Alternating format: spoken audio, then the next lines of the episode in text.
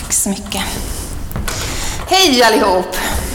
Hej! Jag heter som sagt Jessica och eh, jag är pastor här i församlingen och jag är så glad att få predika igen. Det var väldigt länge sedan. Eh, jag har varit sjukskriven på grund av graviditetsillamående en del de sista två månaderna. Eh, men nu har det börjat vända. Så i onsdags gick jag upp på 100% igen, så det är jag väldigt, väldigt glad över. Eh, så jag är halvvägs in i graviditeten nu, vilket är roligt. Eh, och vi var på ultraljud här för två veckor sedan och det visade sig att det var en liten lillebror som ligger i magen. Och allt såg bra ut, så det är vi väldigt tacksamma för. Yes, den här predikan ska handla om sexuell trohet. Jag eh, hoppas att ni är superladdade för det, det är jag. Så, så vi ber en bön. Så, eh, tack Gud för det här eh, som eh, vi kom för idag. Jag ber om att eh, eh, du ger oss öppna hjärtan för vad du vill säga till oss personligen. Att vi ska höra vad din Ande säger till oss. Eh, så jag ber Gud om tala till, till våra hjärtan eh, och var närvarande under den här predikan. Eh, och jag ber om att allt som inte kommer från dig, att det får eh, glömmas bort och att det som kommer från dig får landa i våra hjärtan. Amen. När jag var en liten tjej så tyckte jag väldigt mycket om filmen Tummelisa. Eh, är det några som har sett den? Tummelisa? Åh, oh, det var några! Ja, oh, visst är den fin? Den är jättefin. Om ni inte har sett den så eh, tycker jag ni ska se den. I alla fall, eh, där finns det en liten fågel som heter Jakimo. Eh, som sjunger en sång som om man översätter den så heter sången Följ ditt hjärta. Eh, och i ett stycke av den sången så sjunger han till Tummelisa då så här. Nu är det min egen översättning. Norr, syd, öst eller väst, var ska du peka dina skor? Vilken riktning är bäst? Om ditt väljande blir förvirrande så kanske det beror på kartan du använder. Du behöver ingen karta som guidar dig. Blunda och se inom dig. Och så sjunger han om att om man bara följer sitt hjärta så går alla drömmar i uppfyllelse och man kan göra omöjliga saker. Och detta är det ideal som jag och min generation har blivit matade med. Alltså verkligen matade med. Eh, vi behöver ingen karta, vi behöver bara känna efter inom oss själva. Och jag brukar kalla det här för Disney-mentaliteten. Att om vi bara följer våra hjärtan kommer allt att bli bra. Eh, och i detta så har också Disney lärt oss en del om äktenskap. Att det handlar om att hitta vår livskärlek, för då kommer vi att leva lyckliga i alla våra dagar. Och hittar vi den, den personen hittar vi också genom att följa vårt hjärta. Det är också en väldigt viktig poäng. Det vill säga väldigt mycket, i alla fall i Disney och Hollywood också en del, eh, handlar om att jag ska gifta mig, eh, att jag ska hitta någon att gifta mig så att jag blir lycklig, så att jag finner lycka. Men, och här kommer nog någonting som jag själv känner mig ganska provocerad av eftersom att jag är uppväxt i den här generationen, men jag kommer säga det ändå. Eh, jag känner mig också lite kränkt, men det är okej. Okay. Men här kommer det ändå. Eh, äktenskapets mål är inte att du ska bli lycklig. Ah, lite jobbigt, eller hur? Äktenskapets mål är inte att du ska bli lycklig. Det är inte det äktenskapet är till för. Jag låter den hänga lite, jag kommer komma tillbaka till den senare. Men så vad är ett äktenskap då? Ett bibliskt äktenskap är i första hand ett förbund. Och ett förbund och ett kontrakt är inte samma sak. Ett kontrakt går ut på att jag, jag ska få mina behov tillgodosedda och du ska få dina behov tillgodosedda. Och får jag inte det, ja, men då kan jag bryta det kontraktet. Ett förbund fungerar annorlunda.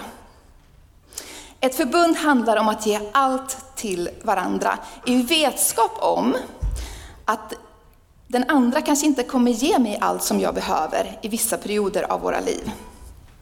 Men jag lovar ändå att vara trogen den här personen, att stanna vid den här personens sida. I med och motgång, i glädje och sorg, så lovar vi att vara vid varandras sida. Och man vet ju aldrig hur mycket glädje eller sorg man får i livet, eller hur? Eh, men man lovar att vara trogen.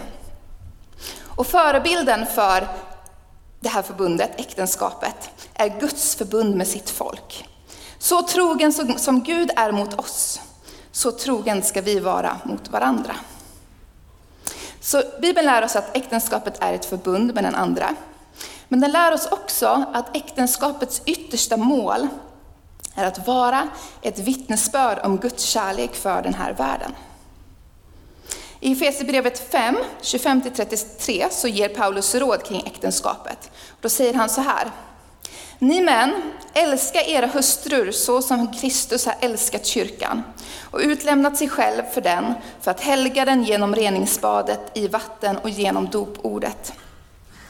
Ty han ville själv låta kyrkan träda fram till sig i härlighet, utan minsta fläck eller skrynkla. Helig och felfri skulle den vara. På samma sätt är också mannen skyldig att älska sin hustru som sin egen kropp. Den som älskar sin hustru älskar sig själv, ty ingen har någonsin avskytt sin egen kropp, utan man ger den näring och sköter om den så som Kristus gör med kyrkan. Vi är ju delarna som bildar hans kropp. Därför ska en man lämna sin far och sin mor och hålla sig till sin hustru, och de två ska bli ett. Detta rymmer en stor hemlighet, här låter jag det syfta på Kristus och kyrkan. Det Paulus gör här är att han sätter Jesus relation till församlingen som en förebild för äktenskapet och hur det ska se ut. Och visar att äktenskapet är tänkt att spegla Jesu kärlek. Det vill säga, du ska med den du gifter dig med, eller är gift med, visa hur Jesu kärlek till församlingen såg ut. Eh, genom att visa hur ni älskar varandra. Så det här säger att målet med äktenskapet är att visa Jesus i världen. Visa upp samma sorts kärlek som Jesus visade församlingen. En självutgivande, överlåten, stabil, tålmodig, förlåtande kärlek. Och det ska bli ett vittnesbörd för den här världen om Jesus. Precis som ditt liv i övrigt handlar om att ära Gud, så handlar även ditt äktenskap om att ära Gud. Och om detta verkligen liksom stämmer, om, om det är så du vill leva, så förändras frågorna du ställer dig när du söker någon att gifta dig med.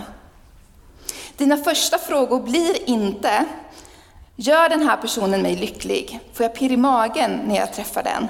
Passar vi ihop? Har jag roligt med den här personen? Kommer alla mina behov att bli bemötta av den här personen?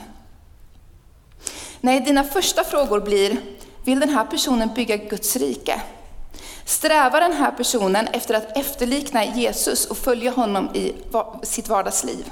Har vi samma värderingar så att vi kan fostra våra eventuella barn till att bli lärjungar till Jesus?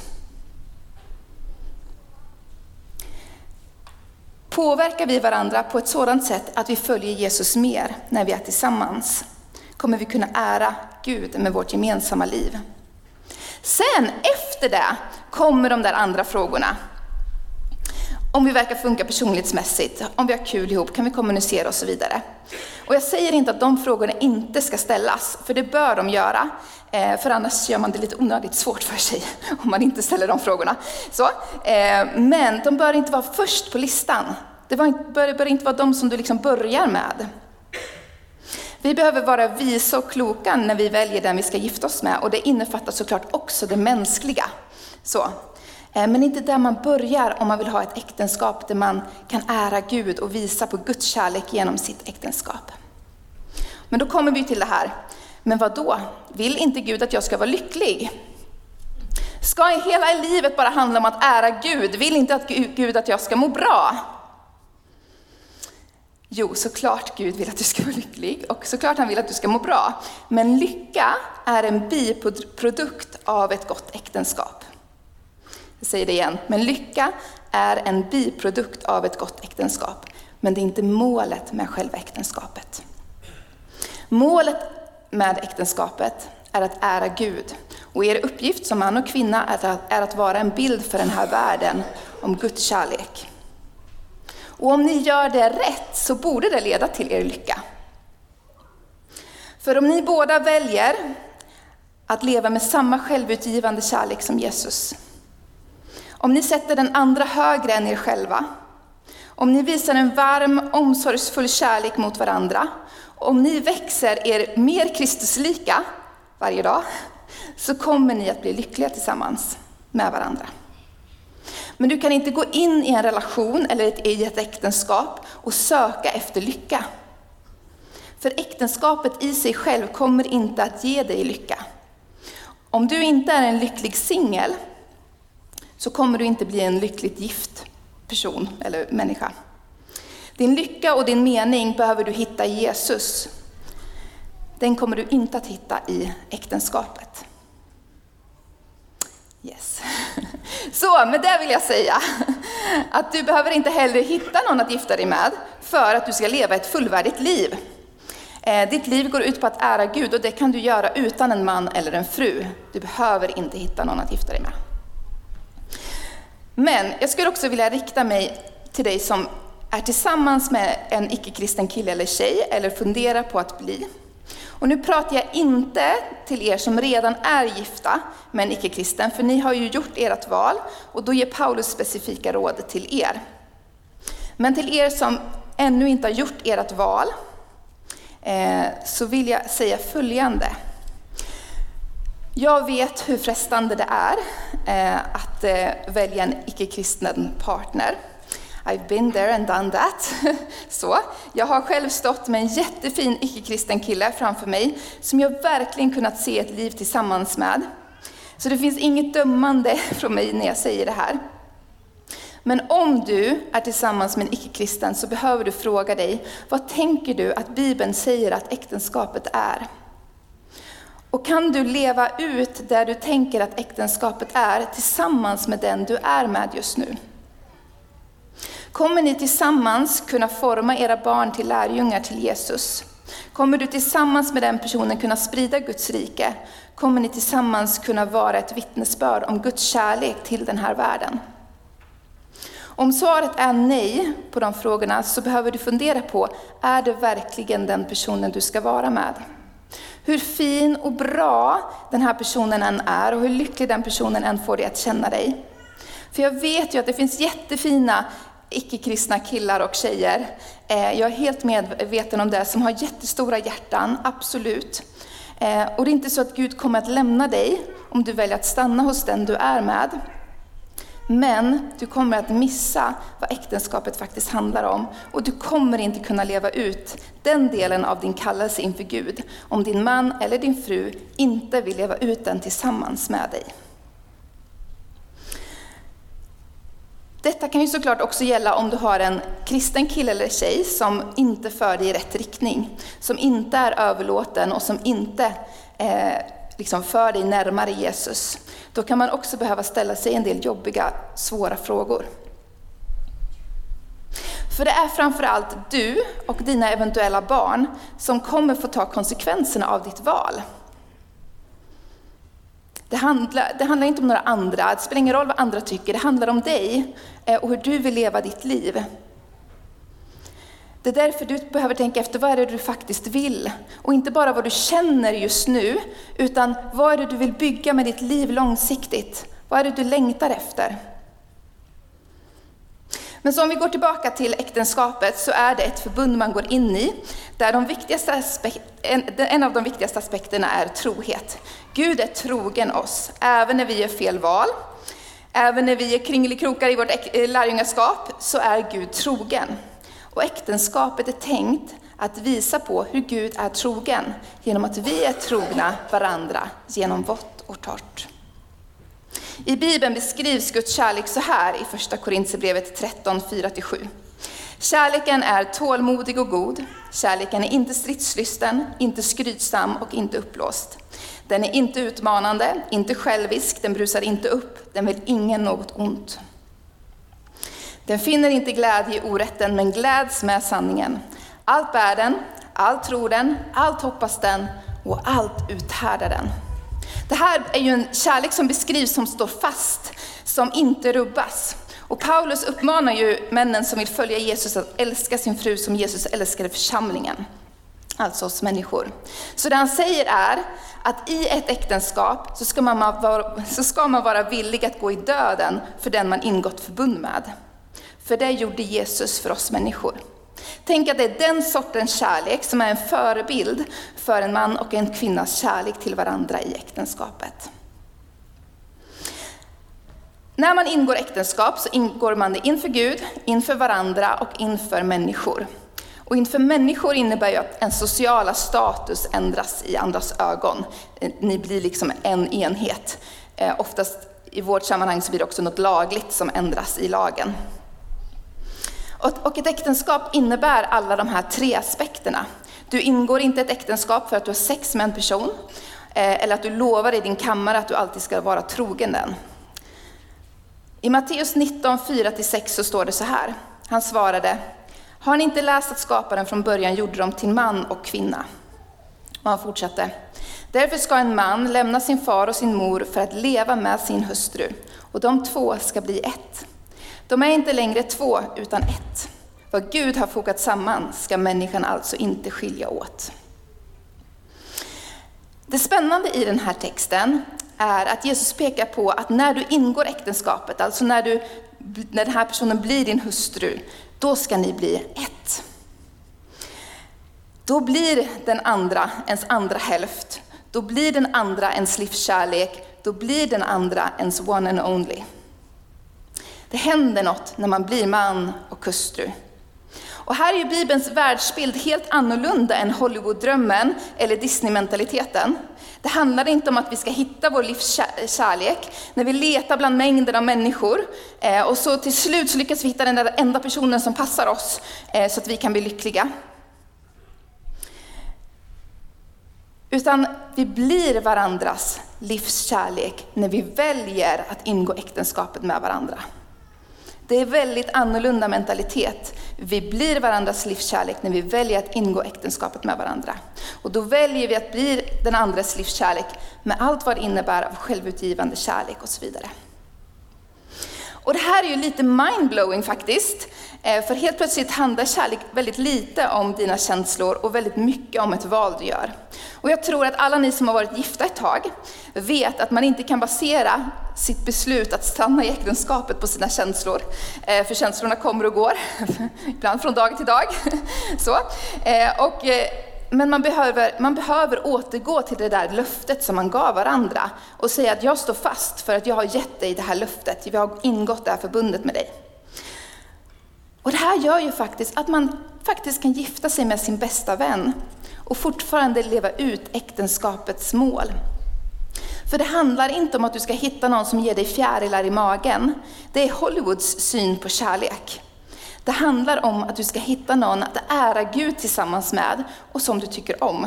Det är ändå bra om du tycker om personen som du ingår ett förbund med. Så, ja. Eh, och detta tänker jag ändå ger hopp till alla er som inte är några känslomänniskor. Som inte upplever starka känslostormar och kanske fortfarande väntar på att ni ska uppleva den där känslostormen som Hollywood beskriver. Ni kanske aldrig får känna så. Alla får inte det. Men ni kan gifta er ändå. Hitta någon du trivs med och som du vill ära Gud tillsammans med.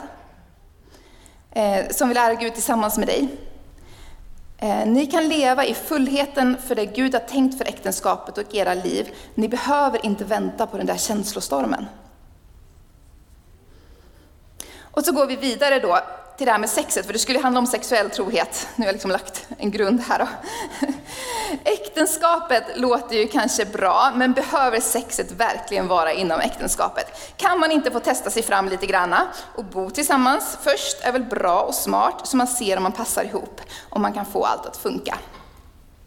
Och Bibeln ger flera orsaker till varför man ska hålla sexet inom äktenskapet och jag kan inte gå in på alla, för då skulle den här predikan bli för lång. Så, men största orsaken som jag vill peka på idag till att sexet ska vara inom äktenskapet är just det att det visar bäst på Guds överlåtna kärlek. Paulus gör det tydligt att en orsak till att vi ska hålla det sexuella till en trogen relation inom äktenskapet är att vi ska bli heliga. Det vill säga vi ska bli lika den helige guden. I första Thessalonikerbrevet 4, 3-5 så står det, detta är Guds vilja, att ni ska bli heliga. Ni ska avhålla er från all otukt.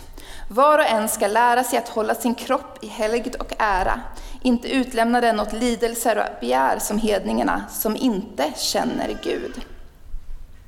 Och här behöver vi göra det tydligt att i svenska, när vi översätter till otukt, så handlar det inte i första hand om att vara otrogen, det ingår i otukt, men det, det här grundbetydelsen i det här som vi har översatt är alla former av sexuella handlingar utanför äktenskapet. Så det handlar inte bara om att vara otrogen. Och jag vet att många läser det så när de läser otukt, men det, det är inte ofta som det är det som är grundbetydelsen.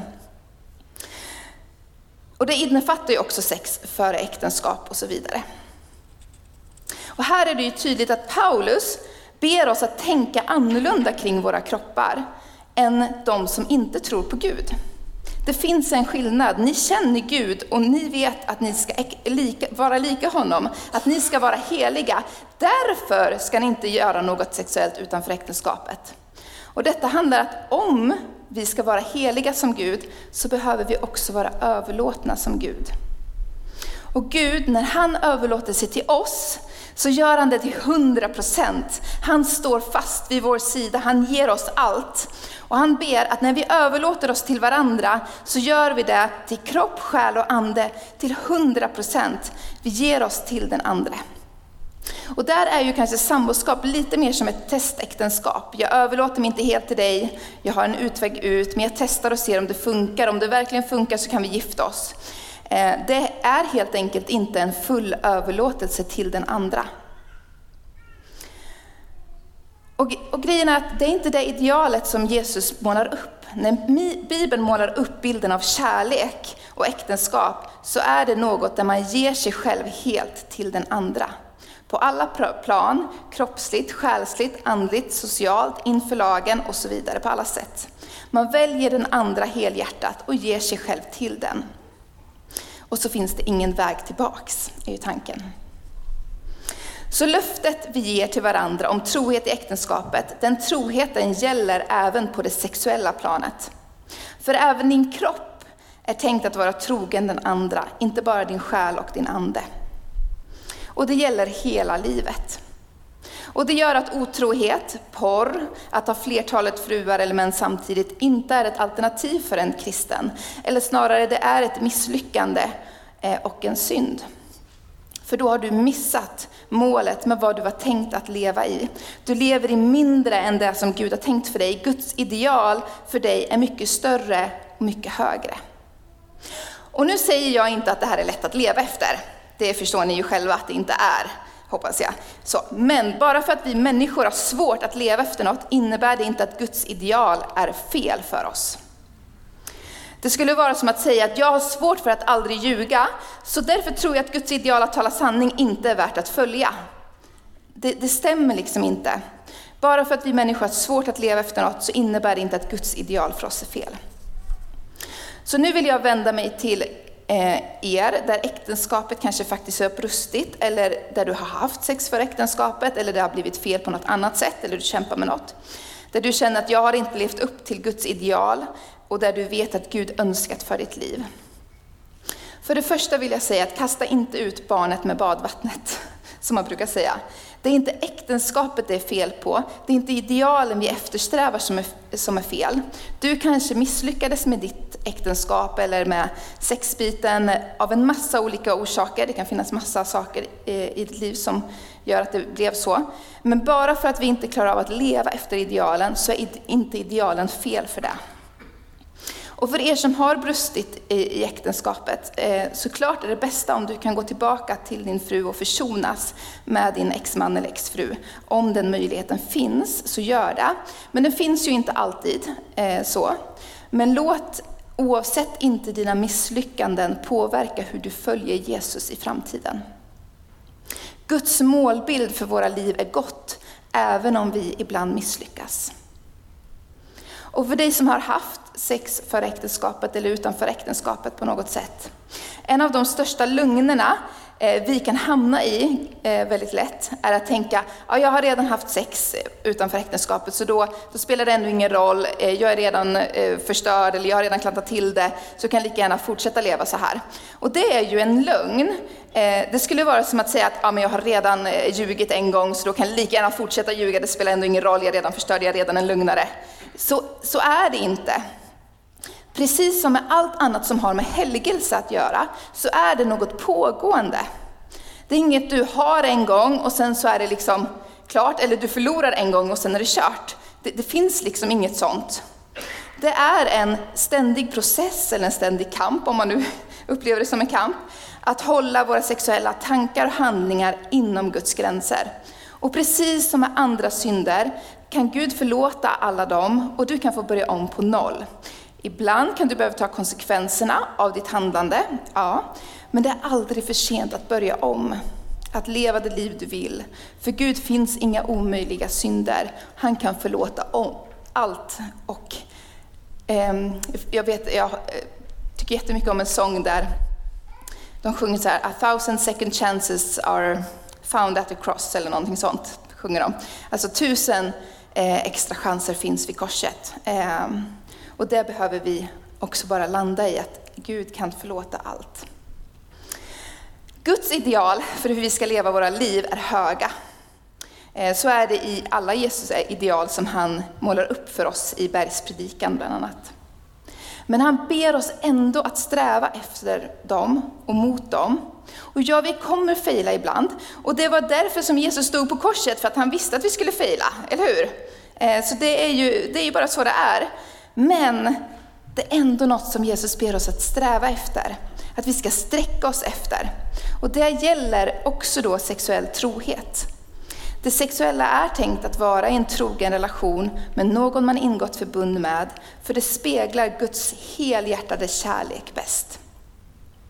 Och nu då till alla er som känner er alldeles för provocerade av det här, och eh, så, så kommer jag ha ett poddavsnitt där vi går in lite djupare i vissa av de här ämnena. Eh, så det kan du lyssna på. Du kan också alltid komma och prata med mig eh, om du vill, eller någon annan pastor eller så, om du vill det. Jag har inga problem att prata sex och relationer, jag tycker det är ganska kul faktiskt. Så att ni är välkomna att komma till mig. Ehm, och till dig som känner att så här, det är någonting som anden gör i dig, eh, och det kan ju ibland vara jobbigt när anden gör någonting igen, eh, så låt anden få säga det anden behöver få säga till dig. Eh, ge, ge Gud utrymme att tala till dig. Låt oss be. Herre Jesus, tack för eh, att du är god och att du älskar oss sådär otroligt, otroligt mycket. Och att du såhär, oavsett vad vi kämpar med eller vad vi har för kamper i våra liv, så ser du på oss med kärlek. Eh, och du eh, längtar efter att vi ska få eh, leva fria och leva det liv som du har tänkt för oss. Och Gud, jag vill verkligen be nu att Ja, men att, att vi verkligen ska få både låta, våga låta dig tala in i våra liv, eh, men också känna oss så trygga i din kärlek till oss. Eh, att vi är älskade och hållna i din hand. Eh, och i dig så finns det alltid en god framtid, oavsett vart vi är någonstans i våra liv. Du har en god framtid för oss. I Jesu namn. Amen.